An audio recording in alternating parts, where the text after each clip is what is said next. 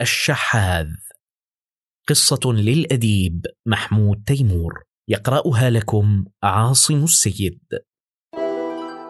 عنادل نشدو بجميل العربية.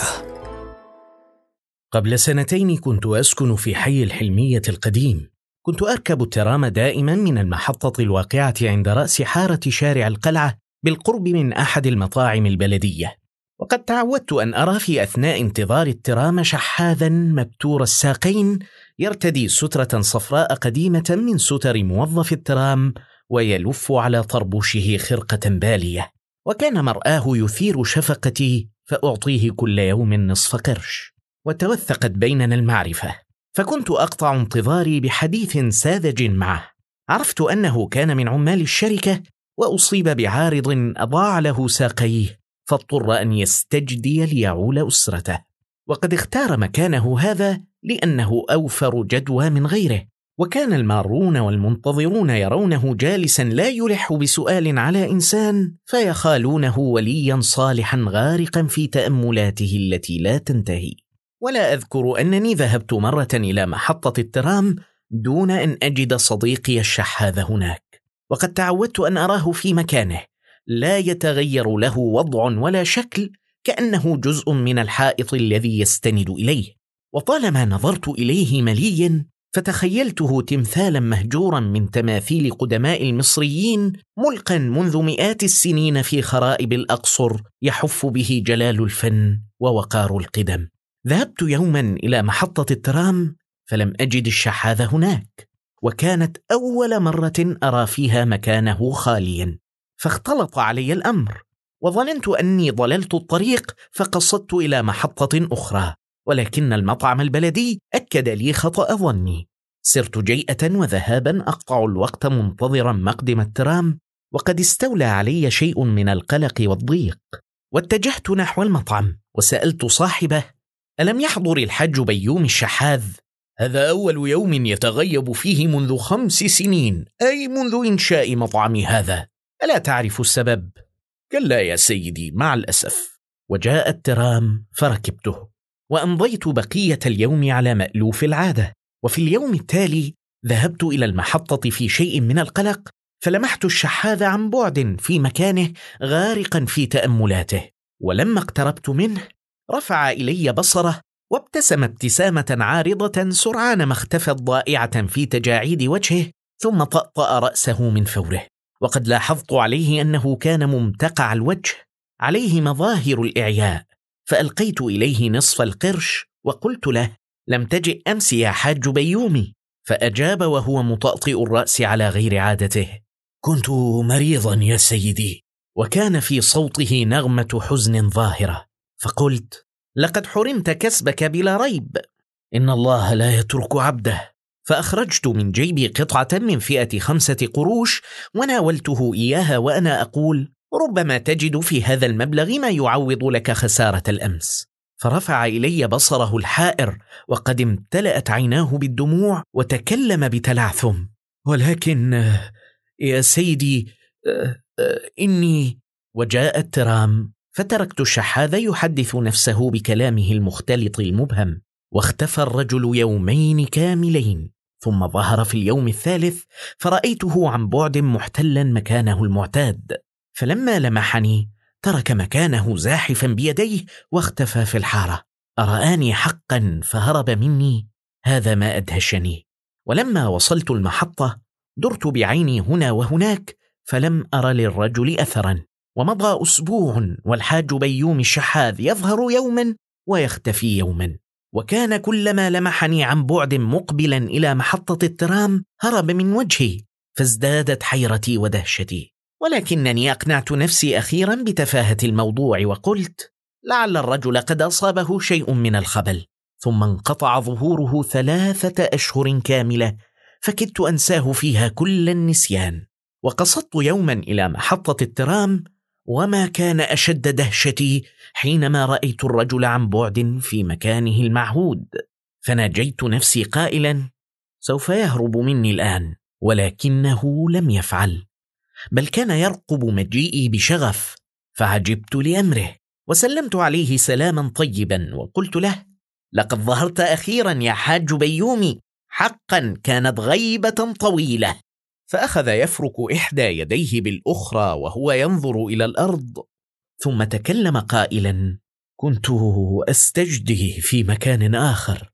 أكان أكثر ربحا من هنا؟ بل أقل جدا. وما الذي دعاك إلى ترك محلك اذن فصمت برهة قليلة ثم رفع عينيه البراقتين وقال بلهجة الحزم والجد كنت أهرب منك يا سيدي إني لا أفهم مرادك يا حاج بيومي. وجاء الترام فهممت أن أركبه وقد تيقنت أن الرجل مخبول ولكنه أخذ بطرف سترتي في لطف ورجاني في إلحاح أن أستمع إليه فعدت إلى مكاني وقد أغراني حب الاستطلاع بإجابته إلى طلبه. وتكلم الحاج بيومي بصوت هادئ رزين يداعب لحيته القصيرة فقال سامحني إذا كنت قد أسأت إليك. لا أشعر بأنك أسأت إلي مطلقا. بل أجرمت في حقك يا سيدي. اسمع حديثي ثم احكم علي. لكن أرجو أن تكون قاضيا عادلا. أتذكر حضورك إلى هذا المكان بعد الظهر بقليل منذ أكثر من ثلاثة أشهر. لا أذكر جيدا. أما أنا فأذكر ذاك اليوم ولا أنساه. وحوادثه لن تفارقني ما حييت. كانت الساعة إذ ذاك قرابة الثانية بعد الظهر. وكنت مستسلما للنعاس فجئت ونبهتني بإحسانك اليومي الكريم فاستيقظت وقد رأيتك تسير ذهابا وأوبة منتظرا بصبر نافد حضور الترام وكنت مطأطئ الرأس تتأمل مواطئ قدميك ثم أخرجت محفظتك وجعلت تقلب طويلا ما فيها من أوراق وأنت تنظر إلى ساعتك مرة بعد أخرى وأقبل الترام في هذه اللحظة. فاتجهت نحوه بسرعة وهنا توقف الحاج بيومي ليسيغ ريقه ويمسح عرقه ثم تكلم بصوت مضطرب متمتما وطويت المحفظة واعدتها إلى جيبك لكن ورقة مالية سقطت منها وحملها الهواء إلي كانت من فئة خمسة جنيهات فهممت أن أناديك ولكن يدي لمست الورقة دون وعي مني فشعرت كأن لساني مسمر في حلقي. كنت أراقبك وأنت تركب الترام بعينين زائغتين ويدي على الورقة تخفيها عن أعين الناس. ولما تحرك الترام وابتعد قليلا شعرت بقوة تدفعني إلى اللحاق به. فزحفت باذلا أقصى ما أستطيع من السرعة وأنا أناديك وألوح بيدي ليوقف الترام. ولكن لم يعبأ بي أحد. واختفى الترام في لحظة. وجاءني المعلم عفيفي صاحب المطعم وقد سمع صوتي وأنا أنادي وأصرخ. فسألني عن أمري فقلت له على الفور لقد كنت أطلب الإحسان من شخص. فنظر إلي متعجبا لأنه يعلم أنني لم أحرك لساني مرة بسؤال وعاد إلى مطعمه وسكنت الحركة في الشارع وعدت لا أرى ظلا لمخلوق. فأخرجت الورقة المالية من جيبي باحتراس وتأملتها مليا في خوف وحذر وناجيت نفسي قائلا سوف تأكل اللحم وتنعم باطايب الطعام ولكن يدي ارتعشت فأسرعت بإدخال الورقة في جيبي وأنا أردد قولي بعناد بل أرد النقود غدا إلى صاحبها ومكثت نصف ساعة فريسة الأفكار المتضاربة ولم أستطع أن ألزم مكاني بقية اليوم فهرعت إلى داري. فقابلتني زوجتي وسألتني عن سبب عودتي مبكرا فانتحلت لها عذرا وقصدت ركنا بجوار النافذه وأخرجت الورقة من جيبي وجعلت أتأملها طويلا وأنا أناجي نفسي قائلا سوف تطعم اللحم وتنعم بأطايب المأكولات؟ بل إني سأرد النقود إلى صاحبها وأقبل أولادي الصغار يقبلونني وكانت عليهم أسمال بالية تبين تحت شقوقها أجسامهم. فضممتهم إلى صدري. وبغتة قلت بحرارة سوف تكسون غدا بملابس حمر زاهية. فنظروا إلي بعجب وارتياب. وتقدم أكبرهم وقبلني وسألني في رفق احقا سنلبس الملابس الحمر الزاهية؟ قلت نعم. وسوف تخيطها لكم أمكم. أعدت كلامي عليهم غير مرة حتى اقتنعوا. فهبوا فرحين مسرورين وأخذوا يرقصون حولي وهم يتصايحون سوف نلبس غدا الملابس الحمر الزاهية سوف نلبس غدا الملابس الحمر الزاهية. ثم أسرعوا إلى أمهم وكانت أمام الدار فزفوا إليها البشرى في ضجة وتهلل. وقدموا بها إلي فأكدت لها الخبر. وصحت فيهم قائلا وستملؤون بطونكم بأشهى الأطعمة. فرددوا قولي في هرج ومرج وأقبلوا علي يستأنفون تقبيلي والتواثب على صدري فكنت أقبلهم والدموع تغمر وجهي وانقضى اليوم التالي على نحو ما نريد فأكلنا أشهى الأطعمة واكتسى أولادي بالملابس الحمر الزاهية وفي اليوم الثالث قصدت مكاني وقابلتك ولما سألتني عن سبب غيبتي أخبرتك كذبا بمرضي فأعطيتني خمسة القروش احسانا. يا الله من هذه القروش الخمسة. كانت تلسعني في يدي كأنها عقرب هائجة فلم أستطع أن أبقيها في يدي ورميتها جانبا.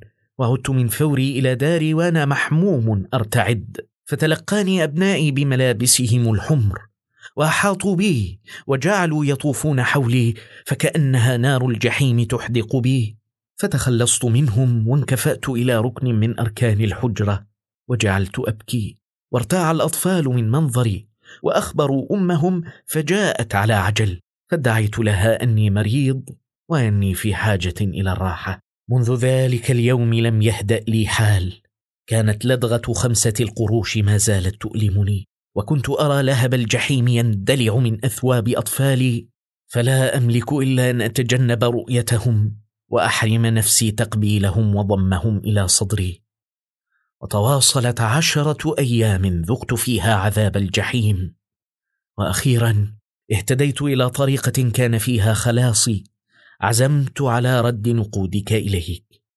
وسألت زوجتي عما فضل من المبلغ فأخبرتني أنه لم يبق شيء. فقد كست نفسها وكست الأطفال معها وقضت بعض الديون وخزنت شيئا من المؤونة للمنزل. اذا علي جمع المال الذي بددناه كله. لا بأس. هذا ما استقر عليه رأيي. ولما كنت قد أقسمت الا أراك إلا بعد أن أحصل على المال فقد هربت إلى مكان بعيد أستجدي فيه وجاهدت في الاقتصاد ما استطعت. فتقشفت في حياتي فوق تقشف الدائم وأخلفت وعودي لأولادي وأغضبت زوجتي ولكني كنت راضيا عن نفسي وبدأت أذوق حقا طعم الهناء وأصبحت ملابس اطفالي الحمر الزاهية لا تخيفني لأنني كنت أجمع ثمنها لأعيده إليك وها أنا قد جمعته كله حرام علي حلال لك. وأخرج من جيبه صرة معقودة لم يلبث أن حلها ودفعها إلي وهو يقول خذ مالك يا سيدي وأرحني أراحك الله. فنظرت إلى الصرة المفتوحة فوجدتها تحوي جملة كبيرة من قطع النقود المختلفة من المليم إلى الريال. رآني الحاج بيومي أحدق في الصرة ولا أمد يدي نحوها فقال لقد عددت اليوم ما في الصرة فوجدت المبلغ كاملا لا ينقص مليما واحدا. خذه وعده هنا أمامي إذا شئت. كنت ماخوذا بما سمعت. أنظر بذهول تارة إلى الرجل وطورا إلى صرة النقود. لا أعرف ماذا أصنع. فنبهني الرجل بقوله يا سيدي إذا لم تأخذ نقودك فسوف أرميها في البئر. سيكون نصيبها العدم. خذها وأرحني أراحك الله. فمددت يدي وتناولت الصرة في صمت ووضعتها في جيبي. ثم شددت على يده وأنا أغمغم. أنت رجل كبير النفس يا عم بيومي. وسرت مطأطئ الرأس وأنا أفكر فيما سمعت وفيما رأيت.